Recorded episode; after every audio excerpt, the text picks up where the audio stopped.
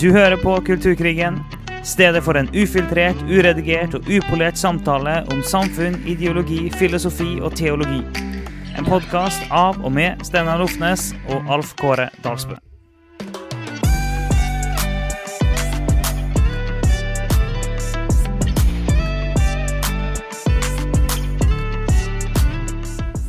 Velkommen til ny episode. Vi er kjempeklar til å snakke om eh, Ja, det er jo en pakke av mange ting vi skal snakke om. Vi skal eh, Jeg vet ikke ennå hva vi skal kalle denne episoden, men om det blir fest og faste, eller om det blir eh, eh, askese, eller om det blir hedonisme, eller hva det nå enn blir, det får vi se på. Men det her er iallfall noen av de tingene vi skal berøre i dag. Ja, og vi er akkurat gått inn i fastetiden. Uh, og en av de tingene som jeg har tenkt på en del, og som, som kommer til å være overskrift i både noe jeg skriver i dagen og i, forkynnelsen uh, neste søndag, er hva sier det om kulturen vår at det liksom eneste som er igjen av fastetiden, er fastelavnsboller? um, og jeg syns det er en interessant, interessant ting. Um, for jeg tror det sier noe om kulturen vår. Så ja. faste, da, som egentlig da handler om å avstå fra mat, eh, og gjerne enda mer avstå fra mange forskjellige ting i livet, eh, for å søke Gud og for å be, så er på en måte det vi har igjen, er da det som ble lagt på fastetiden. At vi skulle spise litt ekstra godt rett før man begynte å faste. Og så har vi på en måte beholdt bollene, men vi har sluttet med fasten. Um, og da tror jo vi at det handler at det er et symptom og en kultur som er ekstremt nytelsesfiksert. Mm. Eh, og verdien av nytelse er veldig høy, og verdien for uh, offer og askese og sånne ting er, virker som på en all time low. Um, ja, ikke bare en all time low. Jeg vil også si at uh, hvis du uh, Hvis du uttrykke et ønske om eh, avholdenhet fra noe. Og enten altså, avholdenhet permanent, da, eller faste, så avholdenhet, avholdenhet midlertidig. Eller, eh, eller, bare mer måtehold. Hvis du uttrykker det, så vil jeg også si at eh, fra, fra en del så blir, blir jo det møtt med skepsis òg. At det blir møtt med sånn, at det, det nærmest er usunt. Og så blir vi møtt med at det er en usunn åndelighet, en usunn kristendom. Dette kommer riktignok fra visse deler av, av, kristenheten en del ganger. At hvis en, hvis en bare tar ett steg ut i den retningen der, så blir en, kan en bli mistenkeliggjort. Eh, for at det er sånn Nei, du har blitt ubalansert, og du er et dårlig forbilde, og det er farlig, og det er, det er, det er usunt, osv., osv. Ja, så det er interessant. Og selvfølgelig, i, i, vår kultur så er det jo mange slags idéstrømninger samtidig som påvirker oss. Um, og det er helt klart at det fins jo òg strømninger av større askese, f.eks. i det som har med klima å gjøre, og uh, i treningskultur og det å spise sunt og sånne ting. Um, men en ting som i alle fall er ganske sånn allment akseptert, er det at å holde tilbake på, på, alkohol og sex er vel kanskje de to områdene der eh, det er på en måte minst akseptabelt. da. At du skal på en måte holde tilbake eller sette grenser eller sånne ting. Mm. Um, så, så, vi har lyst til å snakke litt om de tingene. Rett og slett uh, hedonisme. Hva er hedonisme for noe, og hvordan påvirker det kulturen vår? Og ja, hva sier Bibelen om disse tingene? Ja. Det er, så vi, skal, vi kan forsøke oss på en, eh, en slags liten oppsummering. Dette er jo veldig overordna og, og, kjapt. Men det går an å forsøke oss på en, på en tja, rask framstilling av noen hovedelementer av hedonisme. Det kan vi jo forsøke oss på. Eh, for eksempel eh, prinsippet eller tanken om at nytelse som det høyeste gode Eh, når hedonismen hevder at nytelse er det ultimate målet for menneskelig eh, eksistens. Sånn at det, det, det handler om, er at en bør eh, streve etter å maksimere gleden og nytelsen, og minimere smerten og lidelsen. Og, da, og det ligner jo veldig mye på sånn eh, utilitarisme, og det er jo helt sant. Um, som da er, handler om at du skal måle handlingene ut ifra om de oppnår eh, glede eller smerte. Og at det er det som er prinsippet som avgjør om noe er godt eller ondt. Det har vi vært litt inne på allerede når vi snakka om eh, dyrs rettigheter og Petter Singer, f.eks. Da var vi en del innom akkurat det der perspektivet. Mm. Eh, og, og, så er det sånn at hedonisme er jo et, et begrep som gjerne blir brukt i populærkulturen, eller vi slenger ut litt. Og vi, vi har brukt det og slengt det ut. Og da, og da, mener vi gjerne på en måte en livsstil som fokuserer på øyeblikkelig nytelse og glede, glede, og tilfredsstillelse. Og på en måte man ser for seg som et hedonistisk liv er på en måte ja, festing og selvfokus og ja, bare dra det helt ut og ikke ha noen grenser. Um, men når vi begynte å se litt på dette med hedonisme, så er det at dette er jo det er jo ikke bare liksom en sånn et begrep for litt sånn utsvevenhet, men det er jo faktisk en, en filosofisk retning. Mm. Uh, og, uh, og det var en fyr som het Demokritus, og en som heter Art... Arst, Arstippus. Nei, og, Aristippus. Aristippus og Epikurus, og spesielt han siste, da, eh, regnes som liksom eh, som hovedfilosofen for, for, hedonisme. Så dette er altså eh, ganske gammelt. Eh, det er rett og slett en retning i gresk filosofi eh, i det gamle Hellas, og han er ep epikur. Er lettere, lettere å si det på. Han, han grunnla på en måte denne her filosofiske retningen hedonisme. Eh, og Det kommer fra det greske ordet hedone, som betyr nytelse eller glede. Så, så dette var på en måte tanken da om at dette var veien å gå, eh, og at det vi mennesker dypest sett søker etter, er lykke eller nytelse. Og at vi, alt vi gjør, er drevet av å søke det, eller å unngå smerte eh, og lidelse. Eh, så han måtte brukte dette da som, som liksom sentrum av hele hva et menneske er for noe, og hva vi søker. Og så har jo dette da blitt og eh, kritisert filosofisk, eh, og det kommer en rekke sånne her eh, Hva skal du si problemer man møter på ganske raskt. For eksempel så virker det som at mennesket søker jo nytelse, men det virker ikke som vi bare søker nytelse. Um, vi har jo òg en tendens til å ville jobbe, og jobbe hardt. Og, uh, at ikke bare umiddelbar nytelse er hele vår drivkraft. Og så, og så merker de fleste mennesker òg at hvis du, hvis du går all in for umiddelbar nytelse, så vil det gå relativt kort tid mm. før du ikke er glad lenger. Mm. Eh, og, som da gjør at man stiller spørsmålet er det egentlig umiddelbar nytelse vi vil ha. Eh, hvis vi vil være hvis vi, har, hvis vi, har, nytelse og glede på lengre sikt, så virker det som at det, det ikke er umiddelbar nytelse vi må gå etter. Så det er en del sånne interessante paradokser inn i hele denne her eh, tanken, da. Eh, hva er egentlig bare drivkraft og, og ikke? Og det, kan, det mest ekstreme eksempelet hva du sier på det, er jo er på en narkoman. da. Eh, hvis det å ta et narkotisk stoff, f.eks. heroin, har forstått at det er en fantastisk eh, opplevelse. Det er på en måte en, en, en, en enorm nytelse. Hvis ikke hadde jo ikke folk tatt det.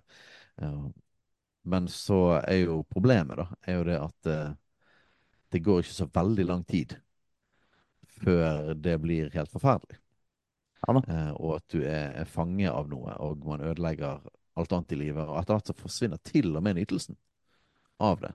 Og så må du faktisk ta heroin bare for å Du er slave av noe som du må ta bare for å ikke føle deg helt forferdelig. Eh, så, så det, ja, det, det, det åpenbart at det er et stort problem med hele konseptet å, å leve for umiddelbar nytelse. Ja, absolutt. Og, og sånt, men narkotika er jo eh, sånn det, det er mange grunner til at det er dårlig i seg sjøl, selv om det gir intens nytelse. Og så kan du bare ta et eksempel som mange kan kjenne seg igjen i. Det er en sjokolade eller en chipspose. Det er at den kan ryke veldig fort, og det en, det kan være en stor glede mens det pågår. Og så er det nok mange som har kjent både på at litt, eh, kroppen ikke er så god etterpå, og kanskje den kjenner at den angrer etterpå. Så det er jo det samme prinsippet. Det er masse nytelse i øyeblikket, og den eh, gikk over veldig fort. Og du har også- det får meg til å tenke på et sånt begrep, eh, eh, post-nut clarity. Det er jo eh, det, altså det altså det da, Når man bruker engelsk ordet nut for eh, Det er jo mannlig orgasme. Så det, det, poenget da er jo det at, eh, at en mann rett etter orgasme, da ser han klart igjen. Og, eh, og da kan det være at han angrer. Eh, Og da har han gjerne brukt det da, eh, på menn som har tatt en del dårlige valg i, i lengselen etter sex. Så det er bare med en gang utløpet har vært der, så kicker det inn. At bare sånn Oi, oi, hva, hva gjorde jeg nå? Og det er jo det prinsippet. Ja, og, og hvis vi tar den andre store, da altså Nå var vi inne med narkotika, men de fleste er jo ikke narkomane. Men de fleste er, i vår kultur er jo på en måte si, nytelsesdrikkere. da. Mm. Eh, Og bruker alkohol som måte, et, et, et stimuli eller et middel for, for lykke. Og i visse deler av samfunnet så er det ekstremt fokusert rundt Du skal kombinere sex og alkohol, da. Så det er på en måte sånn, at, hva skal du gjøre i helgen? Eh, og at store deler av på en måte drivkraften for å jobbe og gå på skole handler om å få penger til at uh, i helgen så kan man ha full frislipp, da. På spesielt alkohol og sex. Så, så det kan du si sånn at i, i, hva betyr hedonisme i Norge i dag og i vår kultur, så tror jeg det er en ganske sånn god beskrivelse av det. Og hvis du putter på liksom jakten etter penger Eh, ikke for liksom å bli velstående, eller at du skal bygge samfunnet, eller eh, skape arbeidsplasser for folk, eller eh, gi velstand i generasjoner. Men, men du fokuserer på å tjene penger for maksimal nytelse. da. For eh, sydentur, eller for eh, en kul bil, eller for på en måte altså, materialismen. da. Eh, så kan du si at materialismen, søken etter rus, da spesielt alkohol og sex i alle mulige slags varianter, er en ganske sterk drivkraft i vår kultur. Og må nok sies å være en stor drivkraft bak en del ting i kulturkrigen. Så når vi snakker f.eks. om om pride og sånne ting, så, der, så handler jo det veldig mye om på en måte å kjempe for retten til å litt sånn her, eh, Å ikke ha begrensning på, vår, på våre lyster. Ja, for når, du, når folk sier eh, retten til å være det seg sjøl, for eksempel, som en gjerne kan si, så hva er det en da mener med retten til å være seg sjøl? Jo, veldig ofte i alle fall, så mener en jo retten til å leve ut sine egne lyster. Og veldig ofte så handler det om seksuelle lyster, for det er, fordi en snakker jo som regel om seksuell identitet. Og en tenker da at eh, en skal leve ut den seksuelle identiteten. Så derfor er det ofte en sånn rett linje fra det utsagnet til eh, seksuell utfoldelse. Eh, det er det jo. Og, og om så det ikke alltid er det, så er det likevel da sånn OK, eh, retten til å være den du er, er retten til å gjøre sånn som jeg sjøl vil. Det en ønsker for å oppnå størst mulig glede. Og så kan du selvfølgelig spørre seg hva er Hvorfor er det galt? Liksom? Er ikke glede bra? Er ikke nytelse bra? Sånn En kan jo prøve å bore dypere i det. Nå har vi vært litt inne på noen av problemene med det. Det her med at det er, noen ting kan, kan føles bra i øyeblikket, og så viser det seg etterpå at det ikke var bra i det hele tatt. Um, det er jo én ting. Eh, Og det blir jo veldig vanskelig å ha, å ha noe ordentlige styringsverktøy i livet hvis det er følelsene en skal gå etter, ikke noe annet. Og vi alle vet jo at vi kan ha lyst til ulike ting til ulike tider. Det kan variere hva det er vi føler for, hva vi har lyst på, hva vi craver. Alt det kan jo variere. Så det blir jo veldig Det blir et veldig ustabilt grunnlag å bygge livet på, i alle fall. Ja, og hvis du skal gå litt inn, inn i hva er på en måte et kristent svar på det, og kanskje for mange så vil det være veldig sånn åpenbart, Men når vi går litt dypere inn i det, så er ikke det så åpenbart, kanskje. Det, det er mer nyansert enn man skulle tro. Um, for, for, hvis man skal Man kunne jo på en måte sagt ja, men den kristne tro eller, eller Bibelens svar på hedonisme er på en måte det totalt motsatte. Uh, det Du er fra deg sjøl! Ja. Uh, og så finnes det masse av de elementene i Bibelen, men så er det bare sånn, når vi tenker litt dypere gjennom det, så bare sånn hm, Nei, det er ikke riktig, da. Det er ikke riktig at det kristne svaret er det motsatte av nytelse eh, og glede, og Mm, eh, på en måte total askese, og at ren lidelse er målet. Mm. Eh, det, det sammenfaller faktisk ikke med det kristne budskapet. Så, men så hvorfor er vi, hvorfor reagerer da vi kristne på en måte på hedonisme så mye? Da, Hvorfor er vi festbrems? ja, hvorfor er vi festbrems? Um, og, og da må vi litt mer, ja, ha tungen litt mer beint i munnen. Og det ene området er jo dette her at Bibelen oppfordrer til moderasjon og selvkontroll.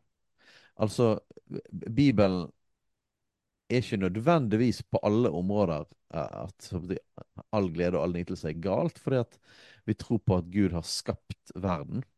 Han har skapt de gode tingene. og Opplevelsen av eh, varme fra solen kjennes godt, liksom. Eh, mat smaker godt. Gud har òg skapt nytelsen i sex. Eh, og, og, og så videre. Masse, masse andre eksempler på det. Det, det, det, er vakkert å se natur. Så på det, det, det behagelige, det som er opplevd godt, glede. Eh, glede blir jo betegnet gjennom hele Bibelen som på en måte noe som kommer fra Gud. Gledens olje. Eh, Jesus hadde, var gladere enn sine medbrødre, står det om. Åndens frukt er kjærlighet, fred og glede. Guds rike består i rettferdig fred og glede i Den hellige ånd. Så, så, så, så si at Bibelen er, er mot glede og nytelse, blir teologisk feil. Eh, men det er heller dette med moderasjon og selvkontroll at, eh, at rammer, og da helt sånn eksplisitt jeg, Guds rammer, Gud har satt rammene for hvor, hva vi skal holde oss innenfor, da. Eh, og at, at, at finnes, at de rammene faktisk er det beste for oss in the long run. Altså på, på lang sikt så ønsker Gud det, det beste for oss. Og det krasjer da med hedonisme på den måten at den umiddelbare nytelsen eh, er da på en måte si, den kristne troen imot i mange tilfeller. Eh, men men ikke, ikke glede i seg sjøl. Eh, og der er det en kontrast f.eks. til visse former for buddhisme, som på en måte der, der på en måte nesten sånn selvpining er veien til på en måte det hinsidige. Det er på en måte liksom det, det, det, Askesen i seg sjøl er et mål. Og det, og, det er annerledes enn en kristen tro. Mm. Ja, det, er det jo. For Bibelen er ganske rik på, på beskrivelse av det gode, eh, av eh, at det er godt eh, å leve, at det er godt å kjenne Gud, at Gud møter våre behov. Det er mange løfter til det, og at, at eh, Gud både anerkjenner og møter våre lengsler og begjær. Eh, Så, så det er nytelse, og du kan og egentlig si at den ultimate nytelse ligger i å kjenne Gud. Så det er, så det er veldig kristen, kan du si, på en måte. Det å nyte, og oppleve nytelse. Det er jo helt som du sa, det er jo, Gud har jo skapt det. Det kan høres litt ut som en sånn hakk i plata for vår del, for vi kommer tilbake til rammene hele tida. Men, men det er jo likevel det som er et, et veldig viktig element her. Ja, Gud har skapt sex, og Gud har skapt nytelsen i sex. Det er ikke galt i seg sjøl. Så hvorfor er det galt? Jo, det er måten det skjer på som er galt. Det, det, fordi det skjer utafor Guds eh, rammer. Maten og vår evne til å spise og smaksløkene våre. Det er Gud som har skapt det her. Det er jo ikke noe galt i seg sjøl, men det er måten det skjer på, som gjør at det blir galt. Og det blir destruktivt for oss. Og sånn er det på, på ting etter ting etter ting. At det er ikke nødvendigvis tingen i seg sjøl. Altså, det finnes ting i seg sjøl som er galt. Det, det, det gjør det. Men det er ikke nødvendigvis greien i seg sjøl som er galt. Eller det å oppleve nytelse i seg sjøl som er galt. Det er det ikke. Det Så, så, så veldig ofte ellers er det på en måte balans, balansegangen, da. som er på en måte litt sånn den kristne veien. Ja, og um, uh, Jeg bare sitter og tenker på um, det, det, det er typisk da, selvfølgelig Når du har små barn, så tenker du ofte illustrasjoner basert på, eh, på, på det. Jeg tror det er veldig ofte det, det jeg tenker på. Men eh, barn vet ikke hva, eh, hva, de, eh, hva de trenger. De vet ikke hva som er godt for dem. Det er vi som foreldre som må lære dem opp til hva som er godt for dem. Og det er når min eldste sønn har lyst til å spille hele tida. Hans største lykke er hvis han får lov til å spille. Hvis han får lov til å spille Minecraft, det er hans største lykke. Og han elsker det. Så mye glede og lykke han får av å grave seg en gruve og bygge et hus og styre på, for dere som kjenner Minecraft. Så når jeg da kommer og sier nei, nå er du ferdig,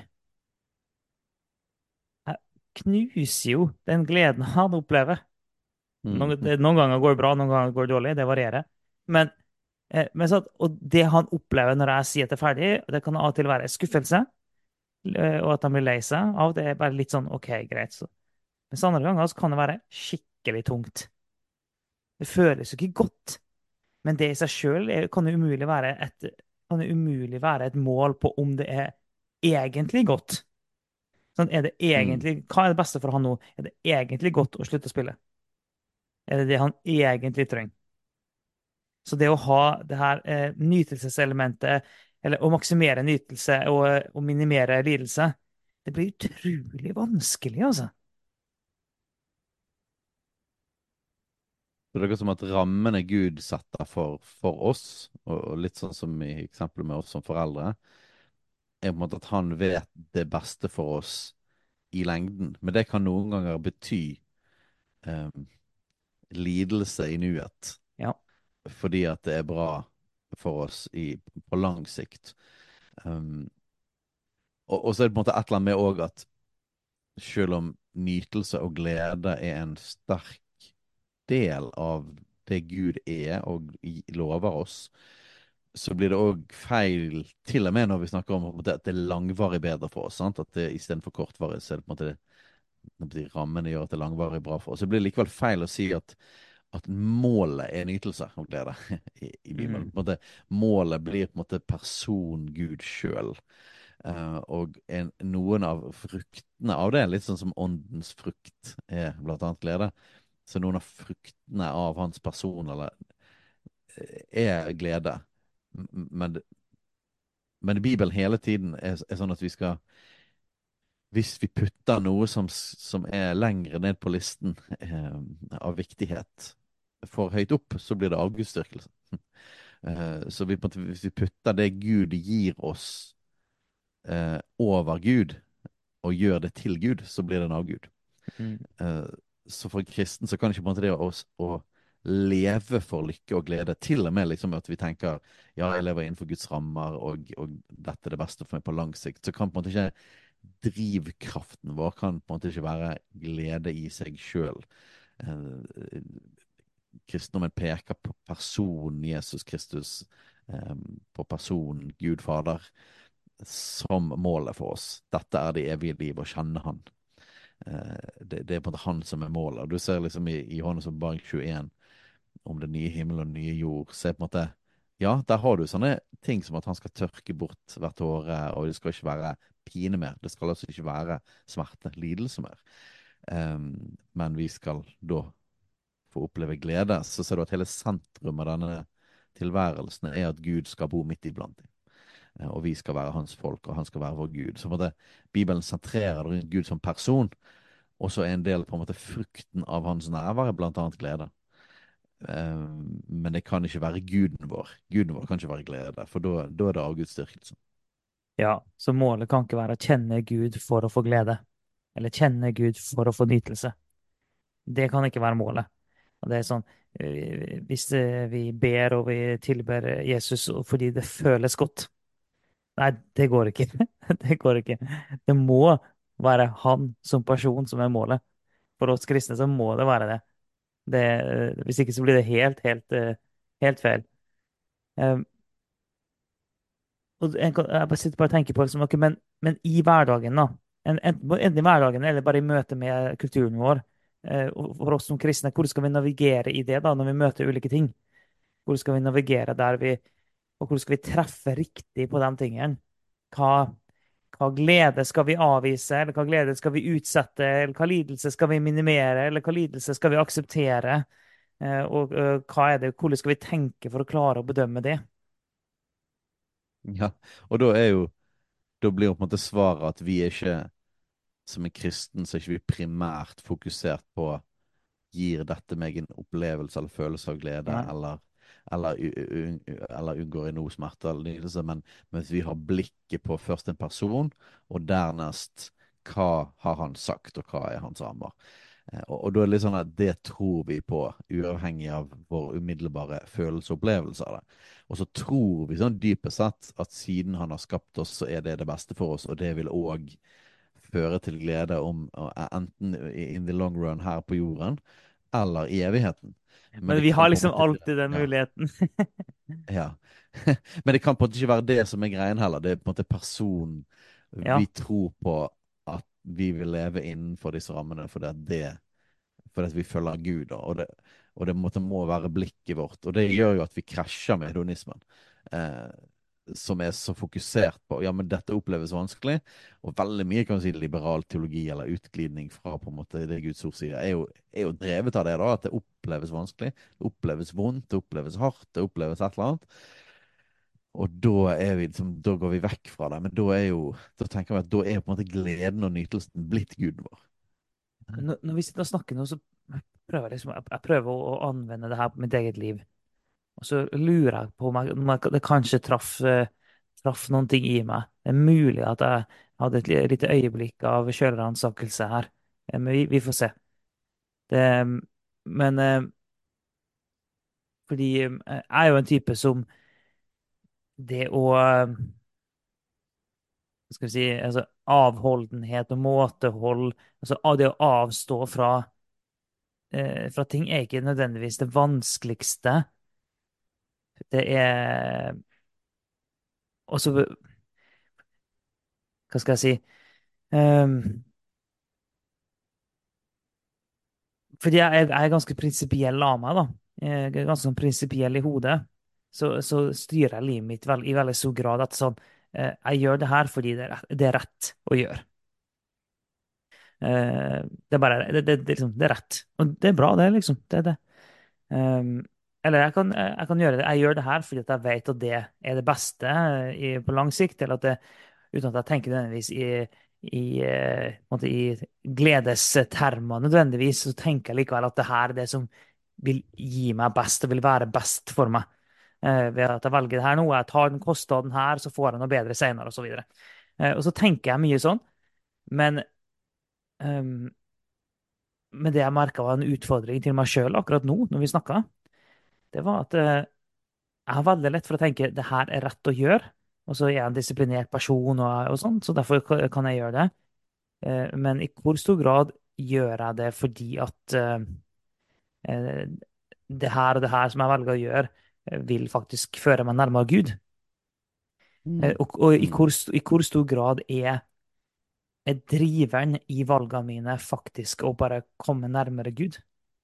Eller ikke bare sånn komme nærmere, det kan høres litt sånn ut for noen, men sånn, hvor mye gjør jeg fordi at jeg faktisk elsker Gud? Mm. Det er, det er sånn, øh, gjør jeg det her nå bare fordi det er rett å gjøre, og jeg finner en slags tilfredsstillelse i at eh, jeg føler at nå har jeg gjort det prinsipielt riktige? Eller gjør jeg det fordi at jeg faktisk elsker Gud mer enn det jeg gir avkall på? Ja, men det er interessant du tar det, for da, da, kan vi på en måte sentrere fokuset for den kristne tro er i personen Gud, i personen Jesus. Eh, og det betyr at enten man går den hedonistiske veien, da, som er på en måte å bryte Guds rammer for si, syndens nytelse, eller man vil holde Guds, leve innenfor Guds rammer, men ikke nødvendigvis på grunn av at det handler om Jesus, da, eller at det handler om Mm. han, men rett og slett på en måte en naturlig drivkraft til, til å holde reglene. um, og, og, rammene. Så måte blir på en måte begge deler en slags sånn I ytterste konsekvens kan man jo kalle det loviskhet, eh, loviskhet eller farisisme. på en måte At Mm. måte, re regelrytteri i seg sjøl. Men at ingen av de tingene er på en måte eh, Jesus-fokusert, men kanskje egentlig selvfokusert. da.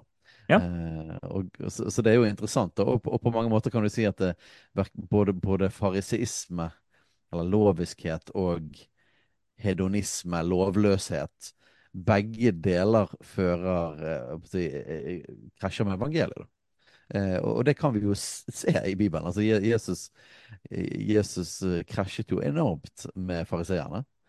Eh, og så er det helt tydelig òg at evangeliet krasjer med på en måte en hedonistisk, løssluppen livsstil. Eh, så, evangeliet på en måte Det blir feil å si at det går i midten av det, men det er Jesus-sentrert. Det er sentrert på personen Jesus. og og, så det blir feil å si på en måte at kristendom er bare det motsatte av hedonisme. For, for det er det egentlig ikke. Nei, det, det, det, er det ikke. Og, og jeg føler ofte at vi, når vi snakker om, om uh, ulike ting, um, vi, av, og til sier vi at vi er i midten, og så mener jeg ikke midten helt sånn heller, som du var inne på nå. For det sånn, nei, kristendom er ikke det motsatte. Det er heller ikke i midten, men det er noe annet. Det er, liksom, ja. det, det, er noe annet. Den tredje vei. ja, på en måte. Og uh, i noen tilfeller så er, tar det det beste fra to eller flere verdener og klarer å sammenstille alt på en og samme tid. I, I, noen tilfeller er det det som er greia. Men, det er liksom, men, men kristendom er det noe annet, altså. Og, vi må, og vi, jo mer vi klarer å tenke kristent, jo mer vi klarer at, å, å, se verden gjennom bibelske briller, jo mer klarer vi da å, å, å se at det, ja, det Bibelen viser oss, er noe annet. Det er ikke det motsatte av det ene eller det andre. For det, for det Bibelen viser oss, blir ikke definert av ulike ideologier eller filosofier. Så vi, vi må ikke falle for fristelse for å definere kristendom eh, som en motsetning til noe annet. For da Til alle menn der ute, sett av helga 3. til 5. mai 2024, for da skal Kulturkrigen arrangere mannshelg på Hemsedal høyfjellssenter. Da skal vi gå inn i eh, mannstematikk koblet til kulturkrigen. Altså, hvordan er det å være mann i denne krigen vi står i i samfunnet, og hva er faktisk vårt ansvar og vår rolle? Så hvis du syns det er interessant, og hvis du liker å høre på denne podkasten så går du til fjells.no og melde deg på mannshelg med Kulturkrigen 3. til 5. mai. Gjør det nå. Så at, altså, vi definerer det ut ifra noe annet. Det går jo ikke. Vi må definere det ut ifra Bibelen sjøl. Ja, ja. Så, så, i så fall så er det jo på en måte at ulike filosofier eller livsretninger og livsstiler kan ta med seg biter av personen Gud eller biter av evangeliet, men du, du tar det uten å ta imot hele pakken, eller uten Jesus i sentrum, så blir det feil uansett. Men, ja. men, eh, ja. du arresterte jo meg for et par uker siden på at jeg sa det at, eh, at Jesus gjorde sånn som oss, og så sa du at det var vel heller at vi ligner litt på Jesus, og det var jo helt riktig. og det er litt sånn her òg, da. Bibelen, sånn kristen, kristen tror ikke midt mellom to ytterpunkter av ideologi og filosofi og livsstil. Nei, det er mm. Alt begynte jo Jesus er alfa og omega. Begynnelsen og enden. Han er alt er skapt av han og til han. Og, sant? Så, så, men det, sant, det er nyttig da, på en måte å, å Nyttig å prøve å beskrive det. da. At, at, det er ikke i den ytterkanten på den siden eller den siden, men det, det, det, er noe eget. Og det kan ha elementer med seg fra disse tingene. Ja, det, er akkurat det. Sant? Det her med elementene. og det at vi eh, En smart mann sa en gang at eh, oppskriften på vranglære er å ta én eh, sannhet og gjøre det til hele sannheten. Og, mm. og, det er litt sånn OK, eh, nå er det her liksom forenkling, så det, nå bare bruker jeg hedonisme som det, det, det, det, er ikke veldig gjennomtenkt. Bare, det blir en illustrasjon. Men det er, altså, glede kommer fra Gud sjøl. Gud har skapt nytelse. Så, som vi, som vi allerede har nevnt. Men hvis du bare tar den sannheten i hermetegna, det er bare den du tar, og du spiller ut bare den, ja, da får du hedonisme. Og så er, for da, da, da, blir ikke det satt i en helhet med hele Guds person. Mm. Tar, men tar du annet, et annet, et annet element og gjør akkurat, akkurat samme, så får du òg noe helt annet enn kristendom. Men mange av, av de ulike ideologiene og filosofiene har elementer i seg. Du kan si så har sånne grunnstoffer i seg som kan spores tilbake til, eh, til Gud sjøl. Ja. Elementer av sannheten, rett og slett. Ja, elementer Eh, sannhet. ja. Og eh, en annen ting der på en måte hedonisme krasjer med kristendom, er, er på en måte Bibelen som gjentatte ganger advarer mot egoisme og grådighet, altså selvsentrerthet. Jeg hørte akkurat dette på lydbibelen i dag, dette med å Det må bli romerbrevet. Dette med å leve for seg sjøl. At vi lever ikke for oss sjøl. Um, og, og gjennom Jesu eksempel mellom, eh, altså Kjærligheten er å legge sitt liv ned for andre, til å gi et offer. Eh, og, og gjentatte utfordringer til å elske hverandre, elske brødre og søstre, elske mennesker. Eh, legge ned vårt liv, da. Så, så krasjer jo det med på en måte hedonismens enorme selvfokus. For det å legge ned sitt liv er Kjærlighet betyr en kostnad for at du skal ha det bra. Men det kan bety at jeg umiddelbart ikke har det bra. Men det er likevel det rette å gjøre.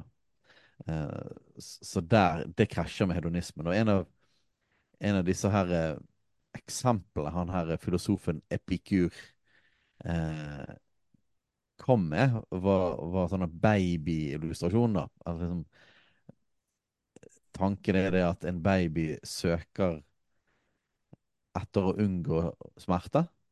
Når, når noe, som, noe er vondt, eller noe er fælt, eller man er sulten, eller man er et eller annet redd, eller noe sånt, så begynner man å grine. Det vil man ikke. Liksom, det er noe av det første et menneske lærer.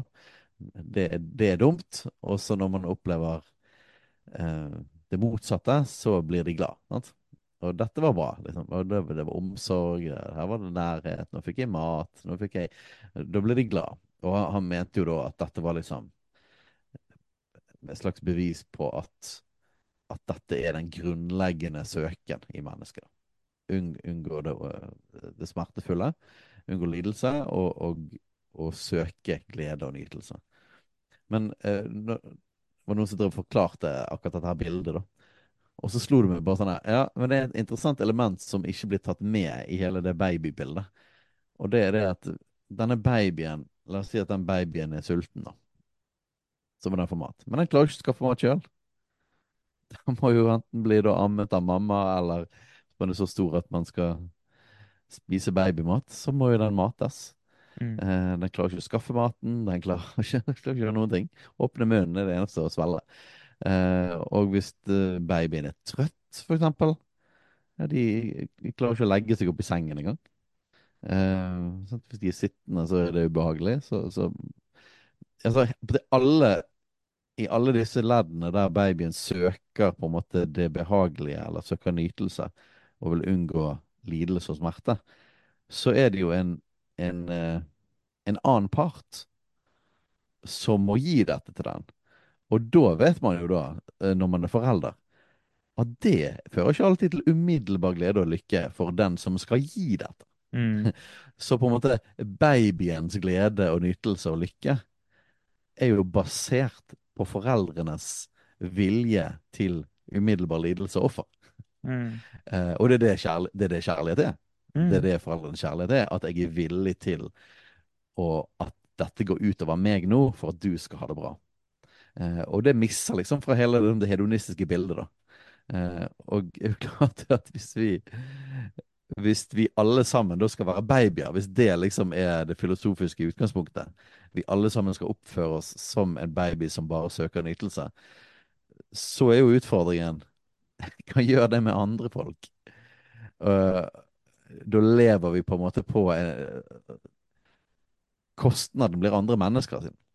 Uh, så det bildet går ikke opp. Så det er en sånn enorm selvsentrerthet i hele konseptet som jeg syns bare liksom slo meg når, når det babybildet kom, da. Uh, og, og som går helt i motsatt, motsetning av hva evangeliet er, og hva Bibelen utfordrer oss til.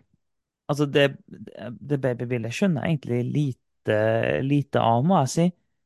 Fordi uh, uten å liksom bare snakke om småbarnsforeldre, vi skal ikke bli, bli podkasten Pappas hjerte her, men, men eh, som foreldre bare sånn, det, er jo, det er jo ingenting som rimer med at, eh, at eh, du ikke skal eh, påføre ungene dine en form for smerte.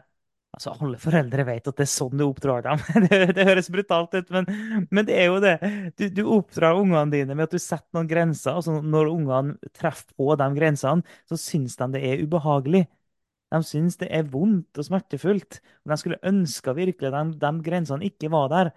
Så bare sånn, Det gir ingen mening for meg. Og, og, og Om du er baby òg, da, så er det sånn Ja, men OK, ta smokk, liksom. Ja, Hvis du har smokk, og så skal du slutte med smokk ja, Babyen vil bare ha smokk. Det er så utrolig deilig og god trøst. Og det å sutte på smokken Ingenting er bedre i hele verden enn den smokken. Så når, da, når jeg da tar den smokken og, det, og kaster den i søpla så den aldri er mulig å få tak i igjen Altså, det, er helt forferdelig for, for, for, barnet i en liten periode. Så blir alt bra igjen. Bare sånn, det gir bare ingen mening for meg, det der. Det, her, her, må, her må noen opplyse meg. Ja, det er, så, så det er en god illustrasjon på, på en måte, eh, hullene i hele, hele, denne filosofien eller konseptet hedonisme. At du trenger bare å legge på et par lag av andre perspektiver, eh, og så faller på en måte hele greien sammen. Så det å ta ut, det å på en måte se verden i lys kun av 'jeg er denne babyen som søker nytelse og, og lykke', og derfor er det vår, vår på en måte drivkraft. Det er jo utrolig tynt, for det er så mange andre faktorer inni her eh, som viser det at eh, det er ikke bare det vi egentlig søker etter, og det er ikke det beste for oss. Og, og um, det er ikke sånn det funker. Så, så, så her krasjer hedonismen igjen. Og Sofie Braut, som vi hadde på i forrige uke, hun skrev en ting i Dagen denne uken her om en eh, lurer på om hun kalte det en ny feministisk trend, eller iallfall en bok som har kommet ut om og, på en måte det siste tabu da, som nå skal brytes, tydeligvis. Og det er dette med at kvinner som angrer på at de fikk barn, eh, skal få lov til å på en måte, skal kunne være åpne om det. da, Snakke om realiteten i at eh, jeg angrer på at jeg har fått barn. Og så er det på en måte gjennomgående i hele måten å tenke på er det at dette stjeler lykke fra meg. Mm. Uh, jeg har blitt mindre lykkelig. Det ble ikke sånn som jeg hadde tenkt. Altså, jeg, jeg, vil ikke, jeg, vil ikke, bagatellisere opplevelsen av at det, var, at det, kan være tøft å oppdra barn. Det vil jeg ikke. Mm. Så det, den opplevelsen er helt ekte. Men da å dra slutninga til at derfor så er det galt at jeg har fått det barnet, eller derfor skulle jeg ønske at jeg ikke hadde det barnet fordi at det har vært så slitsomt for meg. At jeg, det, det, jeg har ikke den gleden jeg hadde før. Det, det, sier ting om hva det er som er det dypeste. Ja, for det er selvsentrerthet i sin natur.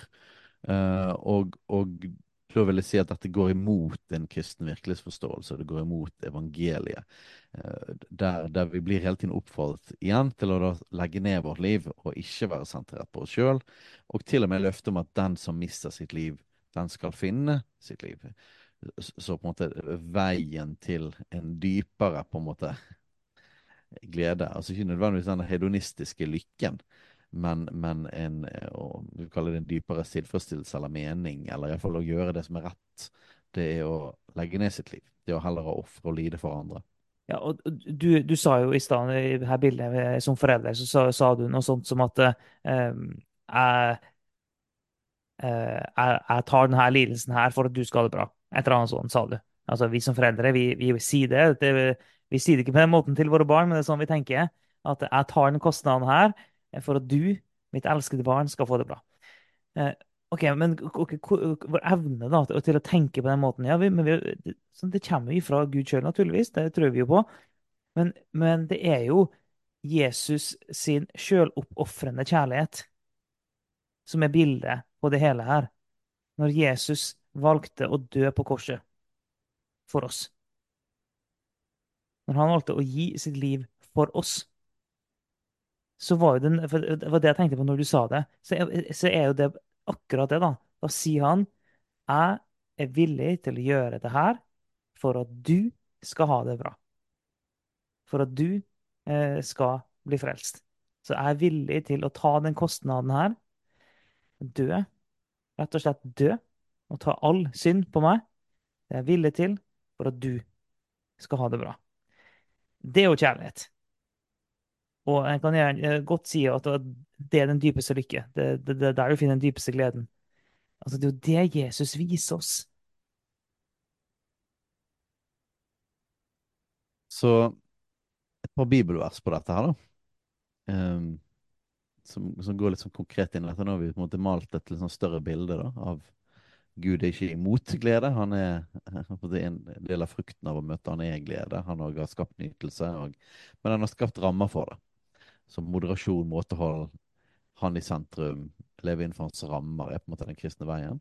Og så tror vi også på glede og nytelse i den konteksten. Men, men, det må være, men kjærligheten er selvoppofrende, så det kan på en måte ikke være et meg-fokus. Det kan ikke være Fylle mine behov kan ikke være liksom, det øverste nummer én. Så eh, noen konkrete bibelvers på dette. da, Hebreerne 11,25, så står det det står om han valgte heller å lide ondt sammen med Guds folk enn å ha en kortvarig nytelse av synden. Dette, Jeg tror det står om Josef, dette.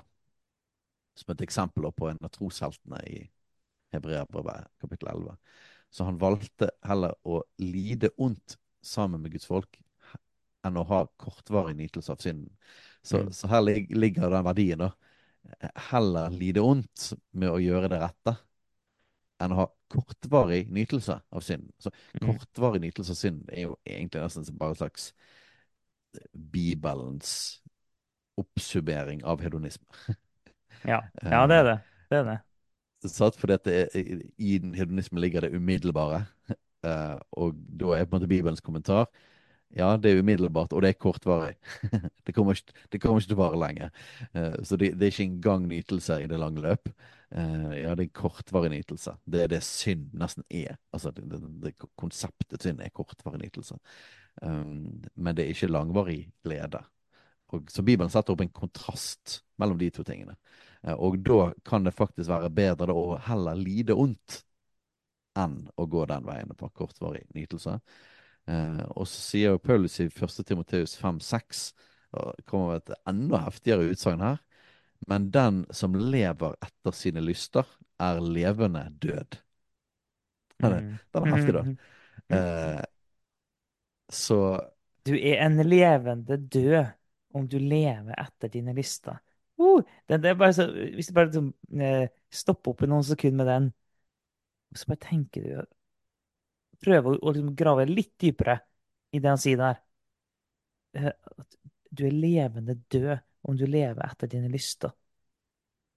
Altså, det sier noen ting veldig kraftig og veldig dypt om konsekvensen av å bare følge lystene. Mm. Det betyr da at hva det motsatte av død? Ja, det er jo liv. Så virkelig liv kommer jo da etter å leve etter Guds vilje eh, og med da Jesus i sentrum, heller enn å leve etter sine lyster. Så å leve etter sine lyster blir jo på en, sånn, en kontrast da, til å følge Jesus. Um, ikke fordi at det tar vekk liv. Nei, fordi at Bibelen beskriver det sånn at vi, vi, dør hvis vi faktisk går for den umiddelbare lysten, umiddelbare nytelsen. Da vil vi dø, mens livet er jo Jesus. Jeg er veien, sannheten og livet. Han er meningen. Han er sentrum. Og det er jo ikke sånn at det å følge Jesus, det der er fælt. Altså, altså at det, er, det, står i motsetning til glede. Altså i motsetning til nytelse. Det gjør det, gjør det jo ikke. Nå gjentar vi oss sjøl, men, men, det er bare sånn vi, vi, Når vi snakker nå, så setter vi opp en slags kontrast mellom nytelse og glede, eller på en måte den kortvarige gleden av synden, og det å følge Jesus. Men det, er sånn, det for Jesus er ikke eh, ja, det, det, er ikke det motsatte, på en måte. Det er, igjen så er vi tilbake til den. da. At Det er ikke det motsatte, mm. det er noe annet. Men den dypeste glede finnes i Jesus. Det gjør den. Ja. Og saligprisningene syns jeg er god på dette her. Det sammenfatter dette her med lidelse og glede. Da snakker Jesus om salig er den som eh, Og så masse forskjellige ting. Og salig er jo da et, et gammelt norsk ord. Og det betyr lykke, eller det betyr den høyeste form for lykke. Altså, salige de som lider ondt. Det er jo på det slags Ja. enormt paradoks. Det er jo på det du er lykkelig når du lider. Det, det på det krasjer jo fullstendig til en slags grunn, grunnleggende forståelsen fra, fra hedonismen. Da. Eh, så det finnes en lykke i det motsatte. Og, og, og, hva er det på en måte som blir saligprist der? Nei, Det er jo ting som er da på Guds hjerte. Å leve etter Guds hjerte. Handle på en måte etter Guds vei. Eh, og det fører da til den høyeste form for lykke. Eh, så, så det er et veldig sånn opp-ned si, Bibelen er en slags sånn opp-ned-rike. Mm. Fra det du kan kalle på en måte sånn menneskelig nytelse. Og, og klart Hedonisme var jo verken bare noe som ble funnet opp i praksis, liksom, selv om det som filosofi kom fra antikken. Jeg lurer på om det var 400 år etter Kristus. Eh, lurer på det sto at de begynte, men det er jo litt sånn likegyldig, eller hedonisme som et moderne begrep. Hedonisme er jo bare en eller annen et eller annet ord for å leve etter synden, leve etter våre lyster. Og ja. det har jo fantes gjennom hele historien. Og ja, klart, ja. Israelsfolket er jo et sånt veldig godt eksempel på dette, hvordan når de gikk vekk fra Gud, så, så, så du på en måte at alle disse tingene her blomstret, så du kan beskrive som hedonisme. Eh, og, og, det stammer jo tilbake. Som, som, oftest så vender vi tilbake igjen til de første tre kapitlene i Bibelen. ja. og hvordan hedonismen stammer fra uh, syndefallet. Enkelt og mm. greit. Og -hmm. ville leve etter våre egne lyster, uh, i motsetning til Guds rammer. Uh, og, og, derfor er jo på en måte i reklame og i populærkultur så er jo dette eplet. Nå står det jo aldri i Bibelen at det var et eple, det står at det var en frukt. Mm. men, men, liksom dette bildet av dette eplet og synden er jo stadig vekk representert som noe Du fortsetter, du fortsetter å si eple, da. Ja, ja, ja, ja, men nå tenker jeg på I populærkulturen så er det alltid et eple. Oh, sånn, ja. ja, ok. Ja, okay. Og, og i, i, hvis du tar, tenker reklame, for eksempel, enten det er en sjokoladereklame eller det er jeg lurer på om det var en sånn brus på det, var det Coca-Cola Light, et eller annet sånt der, at det var liksom en, en forbidden dør, liksom, så bare måtte de åpne den, og så, så Cola Light. Eller om det på en måte dette konseptet dette eplet, eller lysten, den pirrende lysten, som man bare må Når Gud har sagt nei, du får ikke lov til å gjøre det, men, men så, vil vi ha den greien der. Det, det, lever jo i beste velgående i populærkulturen, musikkvideoer osv. osv. Som en slags representant, da, som et bilde på, på dette her med livet i synden, eller livet i hedonisme, i motsetning til innenfor Guds rammer. Mm, mm. Og det det, jeg, jeg kommer, ofte når vi skal illustrere ting, så, så bruker vi sex som et, som et eksempel. Men det, det, det, er jo blant annet fordi at det er så Både fordi at sex er en, en så kraftig ting i seg sjøl, men òg fordi at eh, på det seksuelle området så har samfunnet gått så langt vekk fra Guds rammer, så derfor blir det bildet ganske tydelig. Det er en enkel illustrasjon, da, kan du si. Eh, og når du tar det her med hedonisme, at i, i motsetning til, eh, til Guds rammer. Eh, vi tror jo at, at, ekteskapet er Guds ramme. At For de fleste så er det det som er rammen, at det skal finne seg en ektefelle. Og at, at seksuallivet hører hjemme innenfor rammen av ekteskapet mellom en mann og en kvinne. Ok, det tror vi. Og det er klart at hvis jeg da er på julebord, og, det, og, så, er det, og så er det noen som eh, har veldig lyst til å ha sex med meg, hvorfor skal jeg si nei, nei til det? Altså, hvorfor skal jeg si nei til det? Her har jeg en person som har veldig lyst til å ha sex med meg. Kanskje har jeg også veldig lyst til å ha sex med en person. Hvorfor i all verden skal jeg si nei til det? Altså, hvis du, hvis du tenker hedonistisk, så er det sånn Det er jo ingen grunn til å si nei til det. For en kristen er det det, naturligvis. Og så er det jo mange som vil si at det er, ja, det er galt å bare gjøre det hvis du har eh, hvis du har en kone og barn hjemme, så er det feil. Ok, Men hvorfor er det feil, da? Så må du stille deg spørsmålene. Og det, det, forteller oss jo at, eh, noe om at eh, de fleste av oss tror egentlig ikke på det. Vi tror egentlig ikke på at å gjøre det vi føler for, at det egentlig er det gode. Så når vi setter mm. opp ulike sånne type eksempler, så, så, er det mange som da vil merke ganske kjapt at ja, men, så, uten at en klarer å formulere hvorfor en mener det er galt. Det er ikke alltid, alltid, at en klarer, men en kan føle veldig sterkt at ting er galt. Bare sånn nei, nei, nei, nei, nei. He helt uaktuelt. Sant? En kan føle det veldig sterkt. Ok, men da, da, da forstår en at ja, det hedonistiske prinsippet her, det er galt. Mm. Og det er jo sånn til og med Man kunne jo sagt at ja, men det er fordi at hun, din kone da ville blitt lei seg, så da hadde din glede og nytelse gått ut over hun. Og da kan du si på en måte at, da, da ble det feil, da. Da, da påførte hun lidelse. Ja, Og så kan en Eh, selvfølgelig si at ja, men hva om hun aldri fikk vite det, da? nettopp. Det er det jeg tenker. Ja, så, og da ville det jo ikke vært galt, da. For da ville hun aldri blitt lei seg. Og Mm. så ville jeg er sikker på de nesten alle ville tenkt Nei, det er feil likevel. Ja. Sant? Ja, ja. Det er feil, det er feil liksom, i sin natur, er det feil. Ja, Ja, ja, ja. Og, og eh, ja, jeg syns det er en god illustrasjon på det. Eh, og derfor tror vi da at rammene her er da gode. Altså rammene som sier nei til den umiddelbare nytelsen, er likevel det som er riktig, og det som er best. Um, og og ja, egentlig syns jeg det er en utrolig god illustrasjon av hele, hele måte, problemstillingen rundt hedonisme, og, og at vi tror at rammer er godt. Og det er et liksom ut, grunnleggende premiss for den kristne tro. Eh, og jeg, vi- nevnte litt i forpraten vår, så nevnte, snakket vi litt om postmodernisme. og Da for å knytte, dette litt til kulturkrigen. Uh, så har jo vi en sånn sterk mistanke. Eh, Nå får vi måtte aldri pratet med de avdøde eh, franske filosofene som begynte dette greiene. Vi har jo en sterk mistanke om at egentlig er postmodernismen en slags intellektuell akrobatikk for å rettferdiggjøre hedonisme. Ja, ja, ja. At, at det liksom egentlig så er det det det er. At det egentlig ikke handler om liksom Finnes det en objektiv sannhet? Eh, og, og på en måte vi må sprenge alle rammer fordi at dette er undertrykkende.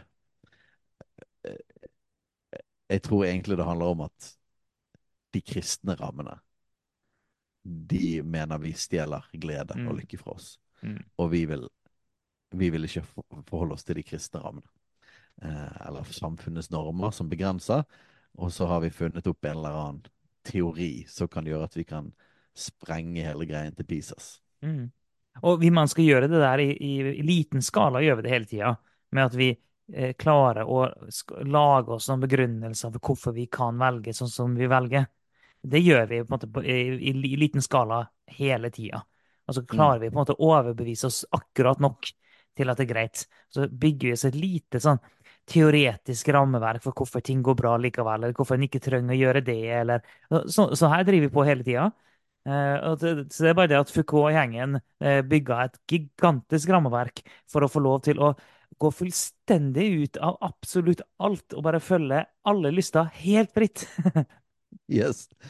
Og nekte på en måte noen slags moralisering. Mm. Eh, eller, eller skam, eller noe som helst. da. Og hvis, no, hvis noen som hører på her, ikke, eh, ikke vet det eh, Foucault endte opp med å, eh, å misbruke masse barn og full pakke, og så ikke noe galt i det. Altså, det er på en måte dybden av mørket han endte opp i. Ja. Så på en måte total løssluppenhet i forhold til alle former for, for sex og, og rus.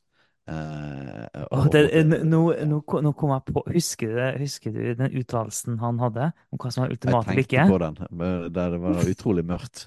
ja. Det kom på jeg her snakker nå. vi en av de altså sant, Dere tenker Hvem er Michel Foucault? Hvem er dere snakker om? Nei, altså, vi snakker om en av de mest innflytelsesrike filosofene eh, i Han, han i former måten du tenker på uten at du vet det sjøl. Ja, altså, altså, hadde det bare vært en eller annen fransk galning som hadde noen crazy teorier, sånn, så hadde det jo på en måte ikke hatt noe å si. Problemet er at han fikk så sinnssykt innflytelse, og, og folk, folk leser det fortsatt. Uh, og, og det er jo problemet, når vi tror egentlig at det er bare en slags intellektuell versjon av uh, slangens, slangens tale til Eva. Men, eh, altså, det det. Men, men, men vi må nesten si, jeg, må, jeg må, må bare si hva det var. Siden vi snakker om hedonisme da, og liksom maksimal eh, lykke og nytelse. Eh, Foucault sa jo eh, at eh, den høyeste Jeg husker ikke om han sa det som høyeste form for lykke eller høyeste form for nytelse, var vel kanskje det han sa, eh, som han kunne se for seg. Altså, altså, maksimal nytelse som han kunne se for seg, det var en selvmordsorgie. Det var liksom maks på skalaen av det han kunne se for seg.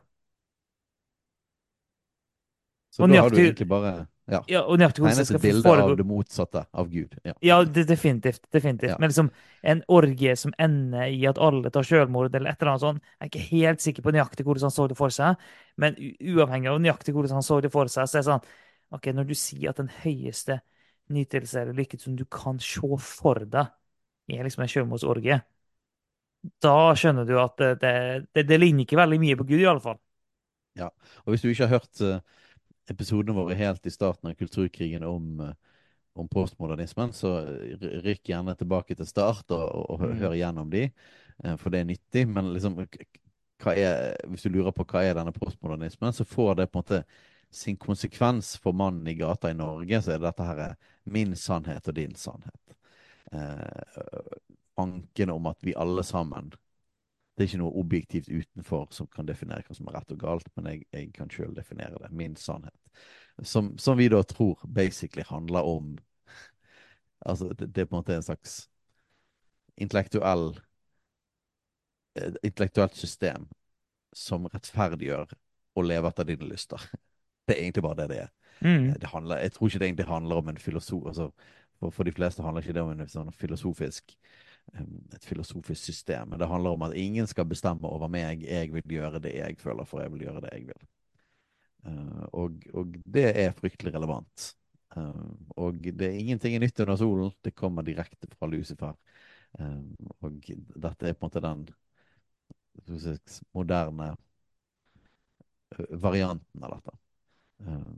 Så hedonisme er en sånn enormt sterk sånn her eh, understrøm i, i Mm. samfunnet. Har vært det gjennom hele historien, og, men òg i kulturkrigen.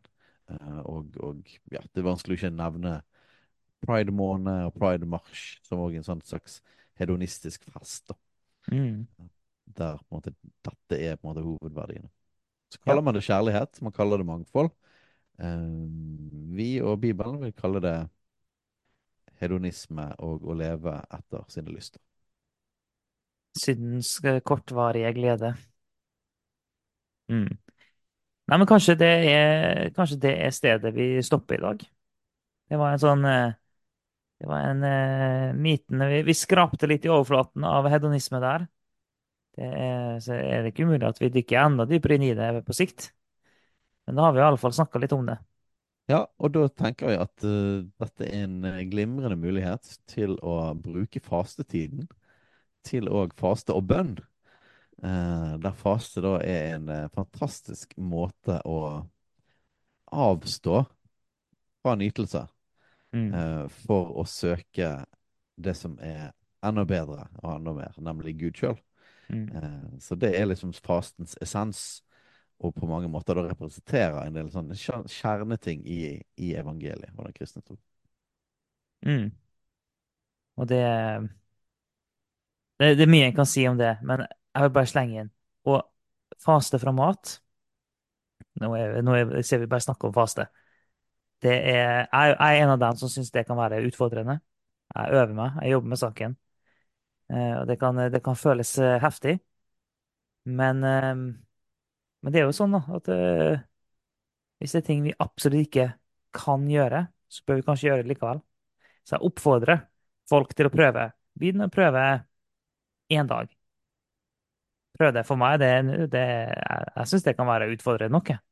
Gå én dag. Men begynn der. La fasetiden i år være det, det året der du prøver litt. Jepp. Så vil du ha mer eh, Nå har vi jo snakket om hedonisme her, men hvis du har mer liksom undervisning om faste og bønner og sånne ting, så kan du jo blant annet eh, eh, gå inn på ukestallet for Jesusfellesskapet. Det, det, det, det, der, det er der vi snakker om sånne ting. Ja. Så det Nei, men OK. Yes. Da sier vi det sånn, og så høres vi igjen neste uke.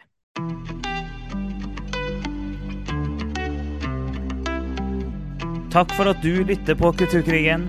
Om du har tilbakemeldinger, spørsmål, hva som helst egentlig, send inn til post alfakrøll kulturkrigen.no eller på sosiale medier.